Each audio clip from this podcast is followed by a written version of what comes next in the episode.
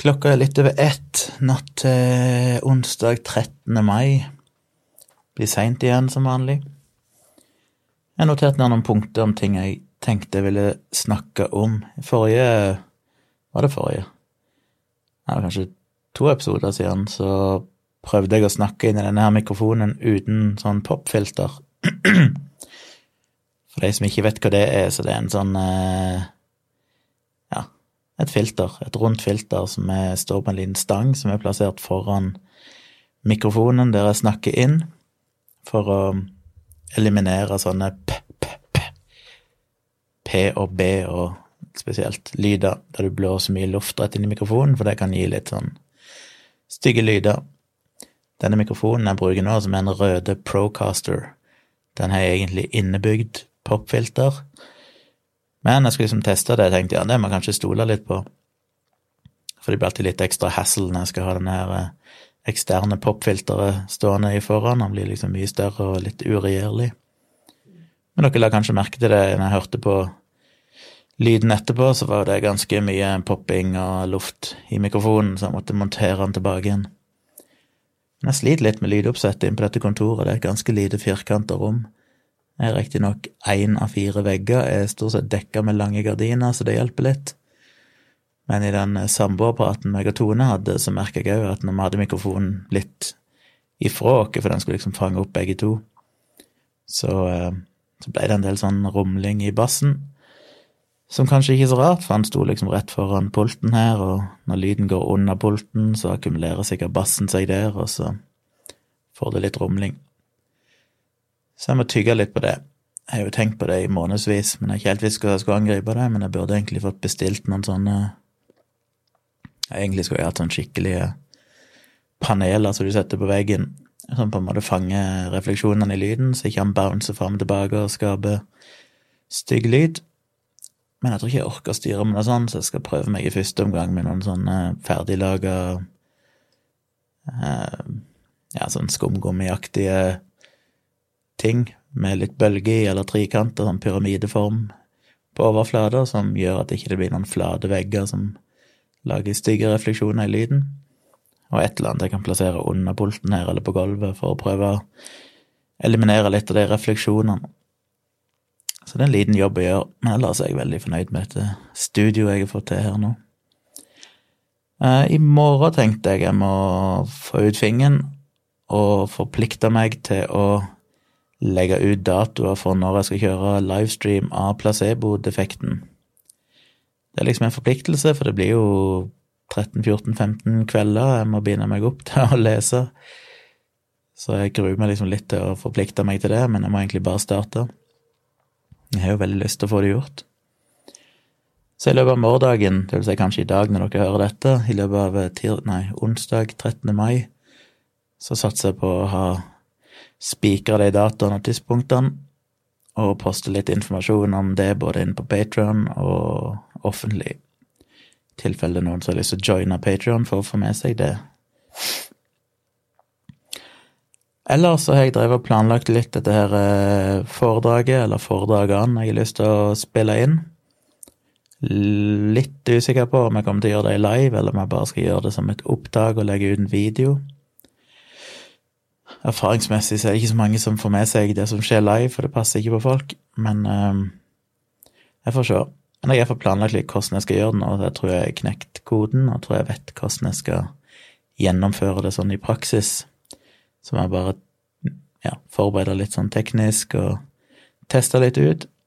Det tror jeg kan bli kult. Det er jo første foredrag jeg å ta, for dette har jeg hatt så mange ganger i det siste. Det er det som er knytta til boken min, Håndbok i krisemaksimering. Da har jeg et foredrag som er litt basert på boken, bruker noen eksempler fra boken, men bruker òg andre eksempler, noen som er nyere enn det som sto i boka, og sånn.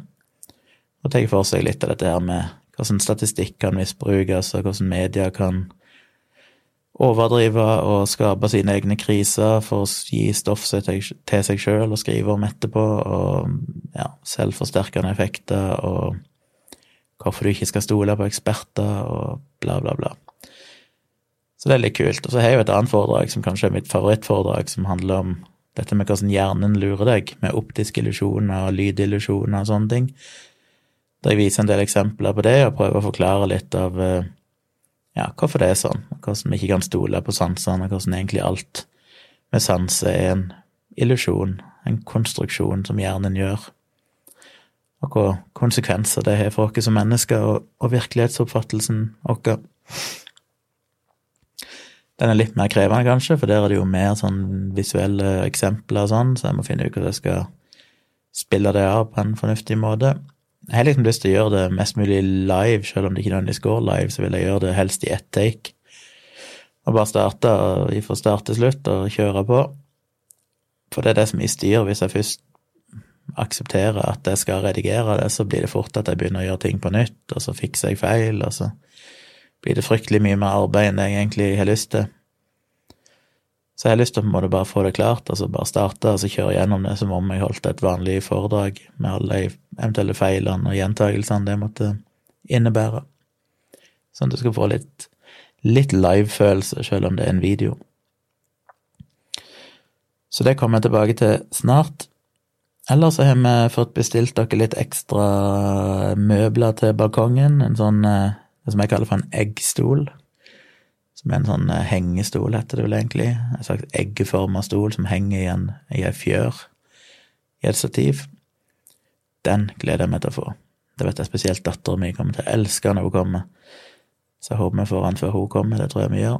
Jeg, hvis det er varmt nok ute, så kommer hun til å bo i den, det er jeg ganske sikker på, for det er sånn hun elsker.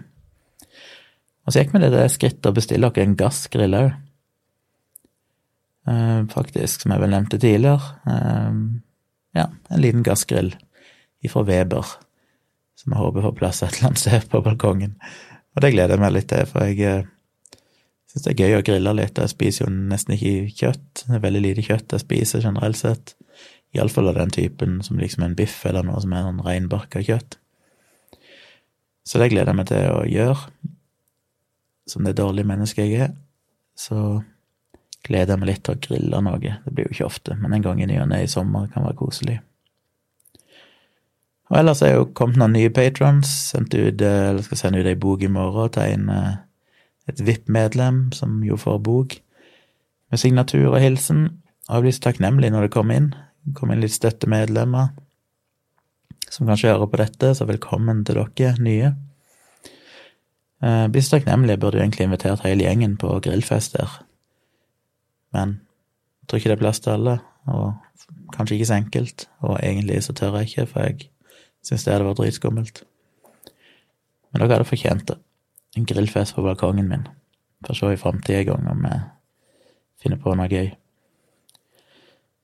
Ellers så har jo eh, Datatilsynet i dag vært ute og daska denne Smittestopp-appen litt, som jeg jo syns var litt eh, trist på en måte, selvfølgelig, det burde ikke vært nødvendig, men uh, det er jo blitt sånn. Og det som er fint med det, er jo at det i grunnen bekrefter den kritikken jeg hadde i videoserien min om Smittestopp-appen. Det de peker på, er jo denne her risiko- og sårbarhetsanalysen som ble gjort. Uh, for der mener de for eksempel at uh, der beskriver Folkehelseinstituttet formålet med appen som digital smittesporing. Og de mener, Datatilsynet mener at det ikke er presis nok, for de skal bruke den til, som de skriver, appen har i realiteten flere formål, slik som oppsporing og varsling om covid-19-smitte, overvåking av befolkningens bevegelser, analysearbeid og forskning.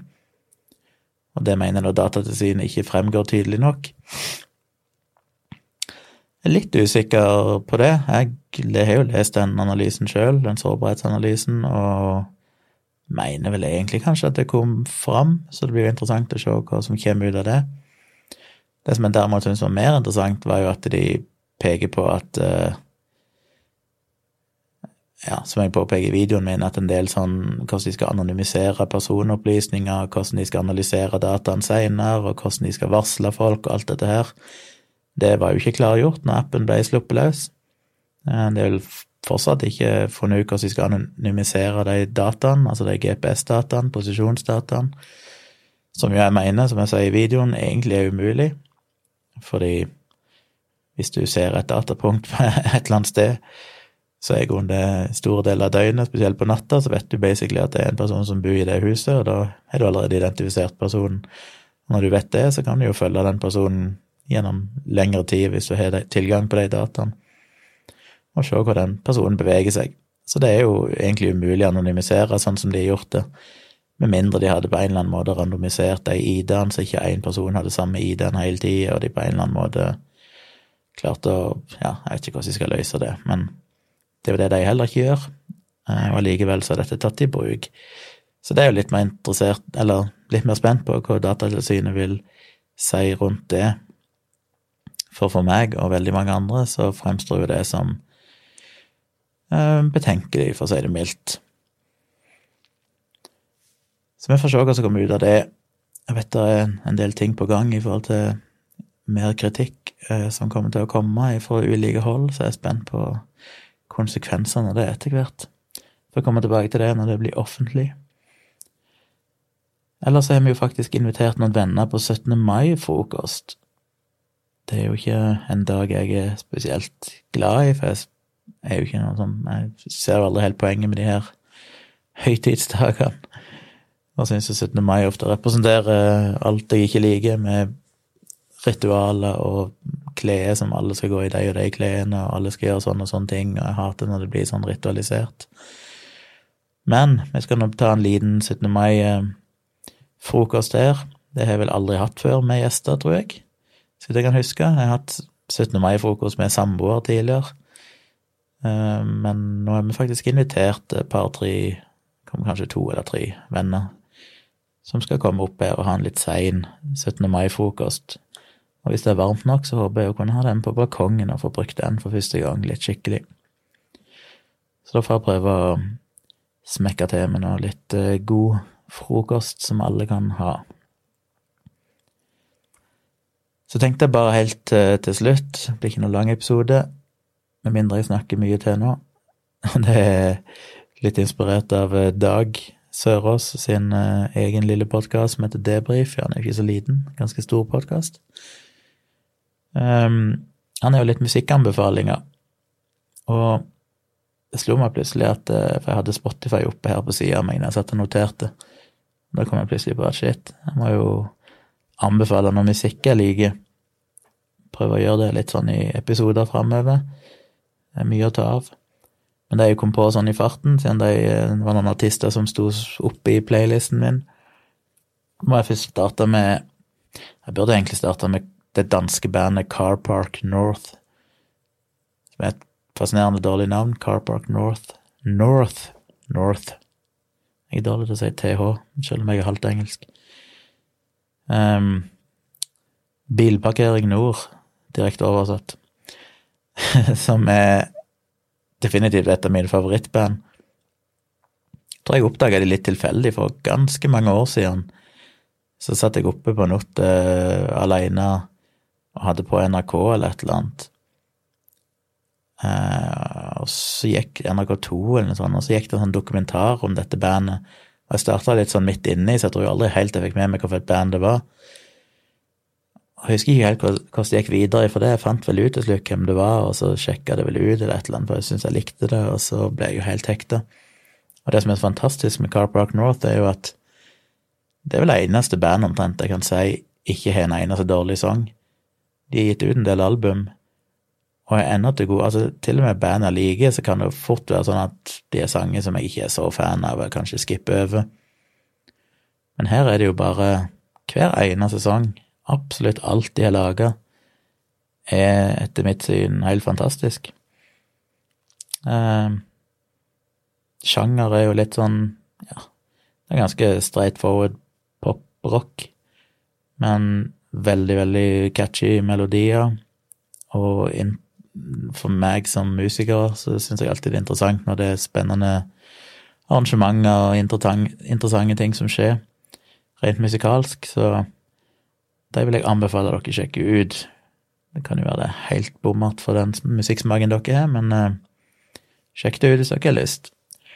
Uh, jeg vet ikke hva jeg skal anbefale, men ja, det er så mye. Alt er bra, så hør gjennom en eh, tre-fire sanger, så får dere se om dere liker noe av det.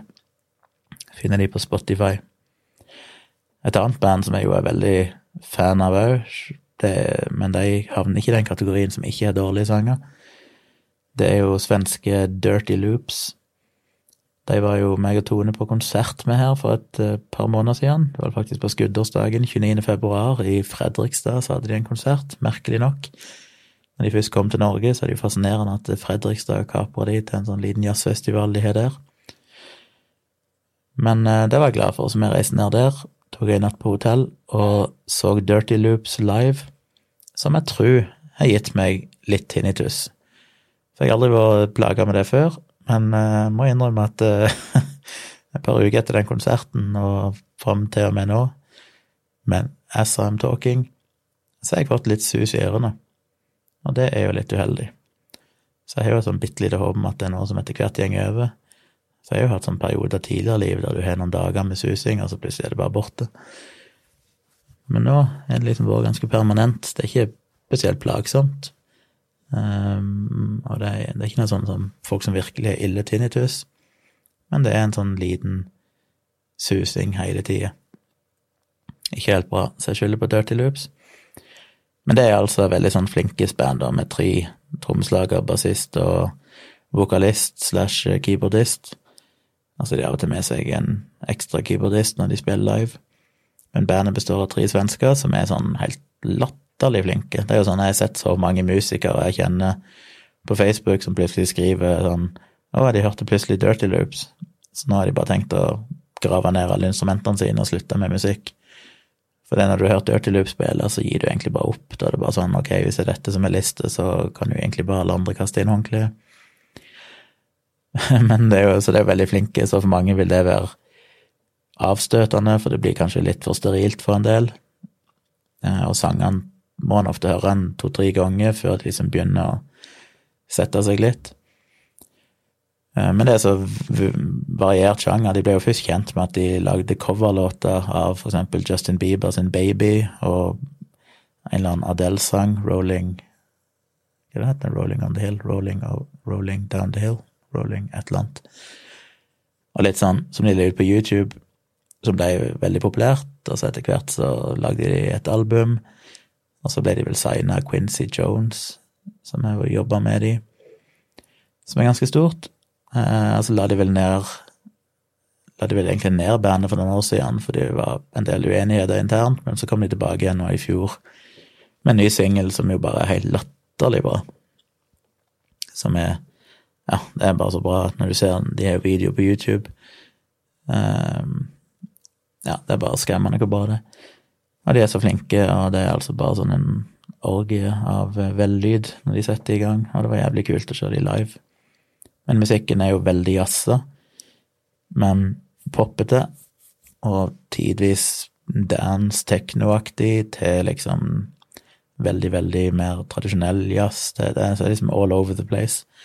Og det liker jeg. Stor variasjon, men alltid, alltid eh, velspilt og bra. Så tenkte jeg å ta tre andre i jazzsjangeren. Den ene som jeg bare ikke har hørt på på en liten stund, men jeg syns er litt gøy å nevne, det er jo en godeste Kyle Eastwood. Og for de som kjenner igjen navnet Eastwood, så er det jo faktisk sønnen til godeste Clint Eastwood, skuespilleren.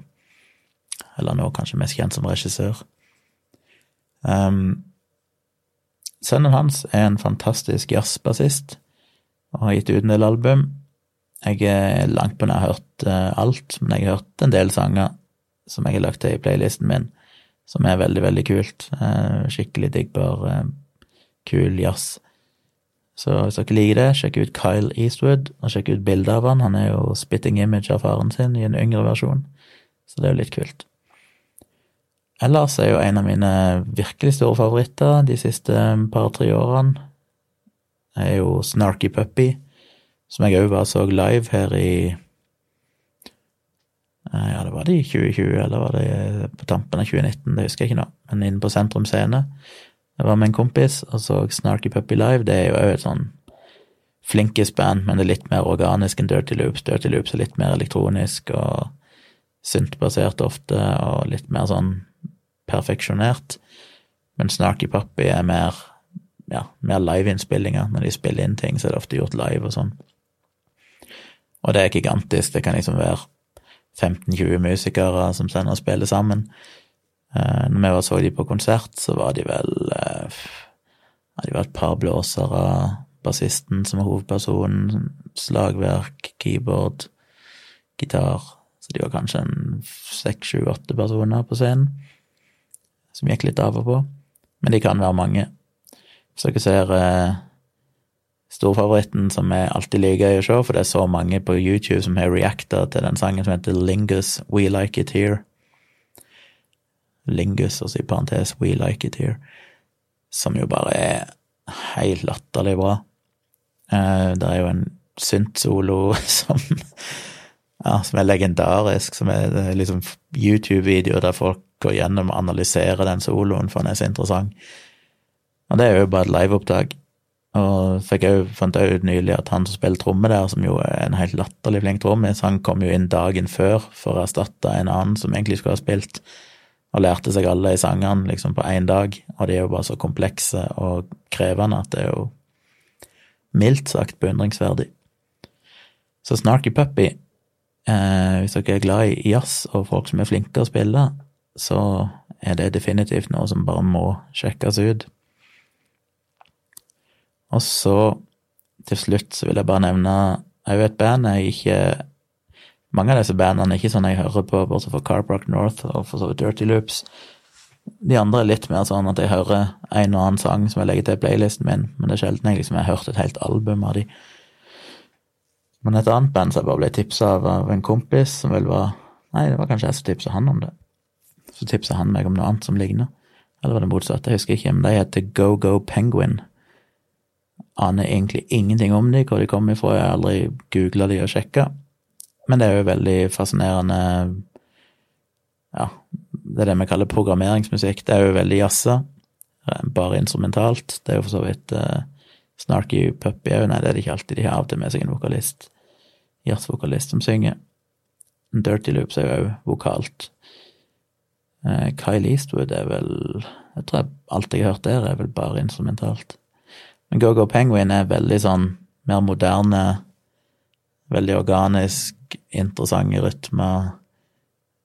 Litt sånn elektronisk, men uh, mest ja, en blanding elektronisk og akustisk, men, men veldig, veldig behagelig. Og han kompisen min, han jobber òg innenfor data og er programmerer. Um, som er alltid på jakt etter god programmeringsmusikk. Det er altså musikk som egner seg til å være litt i bakgrunnen, men som samtidig er ekstremt bra og og eh, interessant. Det bare gir deg en god følelse når du sitter og jobber. Så det var mine anbefalinger. Sjekk gjerne ut alle de fem, eh, så hører jeg gjerne hva dere syns om de. Dirty Loops, Car Park North, Kyle Eastwood, Snarky Puppy og Go-Go Penguin, som alle fins på Spotify og sikkert på YouTube. Spesielt sjekk ut uh, Lingus We Like It Here av Snarky Puppy på YouTube, for det er så gøy å se reaction-videoer. Det finnes jo så mange som reacter til den, og jeg er jo ennå til gode å se en reaction-video der folk ikke bare sitter helt lamslått etterpå, bare liksom ok, dette er omtrent det beste de har sett noen gang, og etter ei sang så er de liksom Snarky Puppy-fans, det skal de høre mer på. Så det vil jeg anbefale å sjekke ut. Og til slutt, en filmanbefaling, og der er det jo fryktelig mye å ta av. Jeg er jo en sånn person som hater å skrive liste hvis folk spør om dine fem favorittfilmer eller noen sånne ting, så må jo jeg tenke i månedsvis for å klare å bestemme meg. Så derfor er det fint her å bare ta det litt mer random, men en film jeg eh, som på ingen slags måte den beste filmen jeg vet, eller noe sånt, men det er en film jeg ofte tenker på når folk spør meg om det, fordi han var Det er bare en film som har vært med meg helt siden 80-tallet, og det er The Big Blue. En eh, På fransk heter han vel eh, heter Le Grand Bleu? Le Grand Bleu? Et eller annet sånt. Fantastisk, fantastisk film. Den fins i to versjoner, og det var min eldre bror som egentlig ble hekta på han. Jeg tror han kom på slutten av 80-tallet. Og så kjøpte vi han, eller så kjøpte han han på VHS-video, og derfor så så man en del. Um, men så fant jeg vel ut på et eller annet tidspunkt at det fantes en slags amerikansk versjon og en europeisk versjon. Og jeg tror den versjonen vi så, var den amerikanske. Den er litt kortere. Mens den europeiske, det er akkurat samme filmen, det er bare to forskjellige redigeringer. Den europeiske er ganske mye lenger. Den er jo sånn 20 minutter lenger, eller noe sånt. Og jeg har alltid drømt om å se den, og så en dag så gikk jeg inn på, jeg tror det var på iTunes, og så søkte jeg han opp der og skulle se han sammen med ja, noen, ei venninne. Jeg husker ikke om det var Tone, eller om det var ei annen venninne før jeg traff Tone. En eller annen person jeg skulle se han sammen med. Og da var det den lange versjonen, som jeg tror er den europeiske versjonen. Og var veldig glad for å se den, bortsett fra at jeg oppdaga at shit, den var mye dårligere. Det var helt latterlig, for jeg syns jo den originale, den korte versjonen, er så fantastisk bra. Men i den lange versjonen, så den som ligger på iTunes, tror jeg, som jeg helst vil dere skal styre unna, um, den hadde liksom 20 minutter med noe sånn romantiske greier og, og sånn som bare ødela hele filmen, for det hadde jo det ble så, Plutselig ble det veldig sånn poetisk og svevende i en lang sekvens. Det var nesten det bare én sekvens. Filmen var helt lik den jeg hadde sett fram til det punktet, som ca. den første timen var lik og veldig bra, og så plutselig kommer det en sånn 20 minutters del som ikke er med i den andre, og så slutter de vel noenlunde på samme måten. Men den delen de har klippet vekk i den amerikanske versjonen, burde absolutt klippes vekk, for at den er bare forvirrende. Du sitter plutselig og skjønner ingenting av hva som egentlig er poenget her.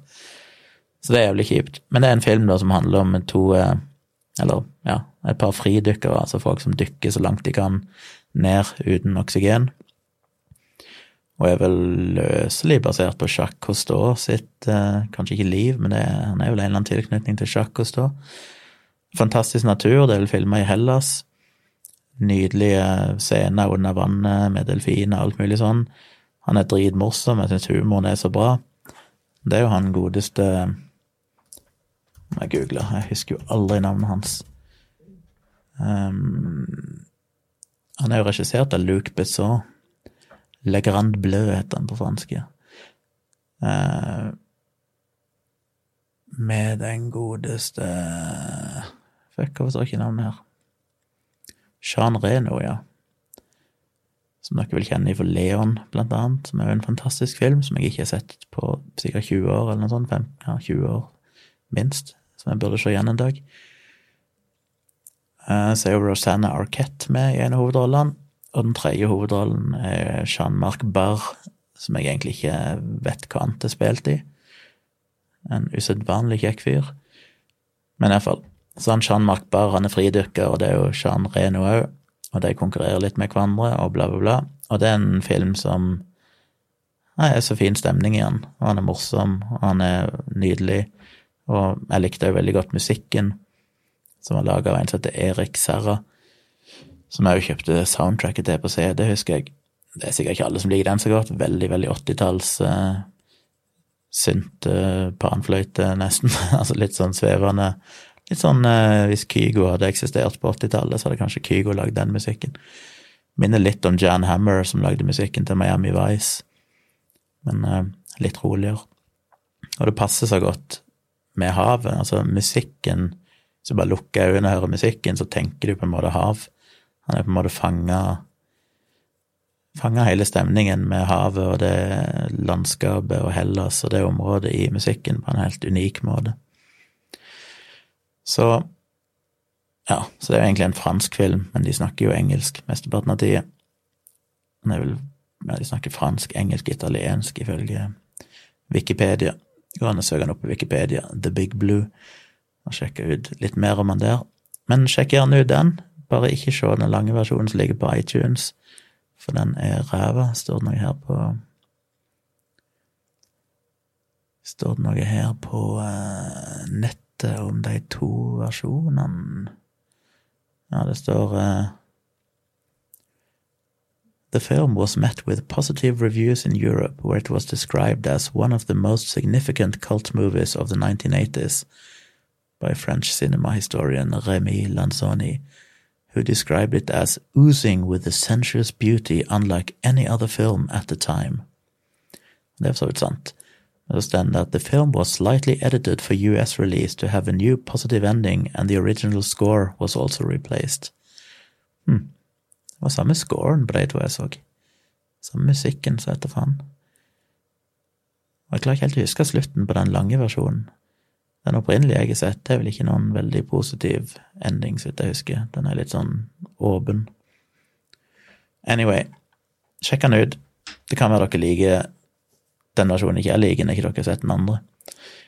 Men uh, den godeste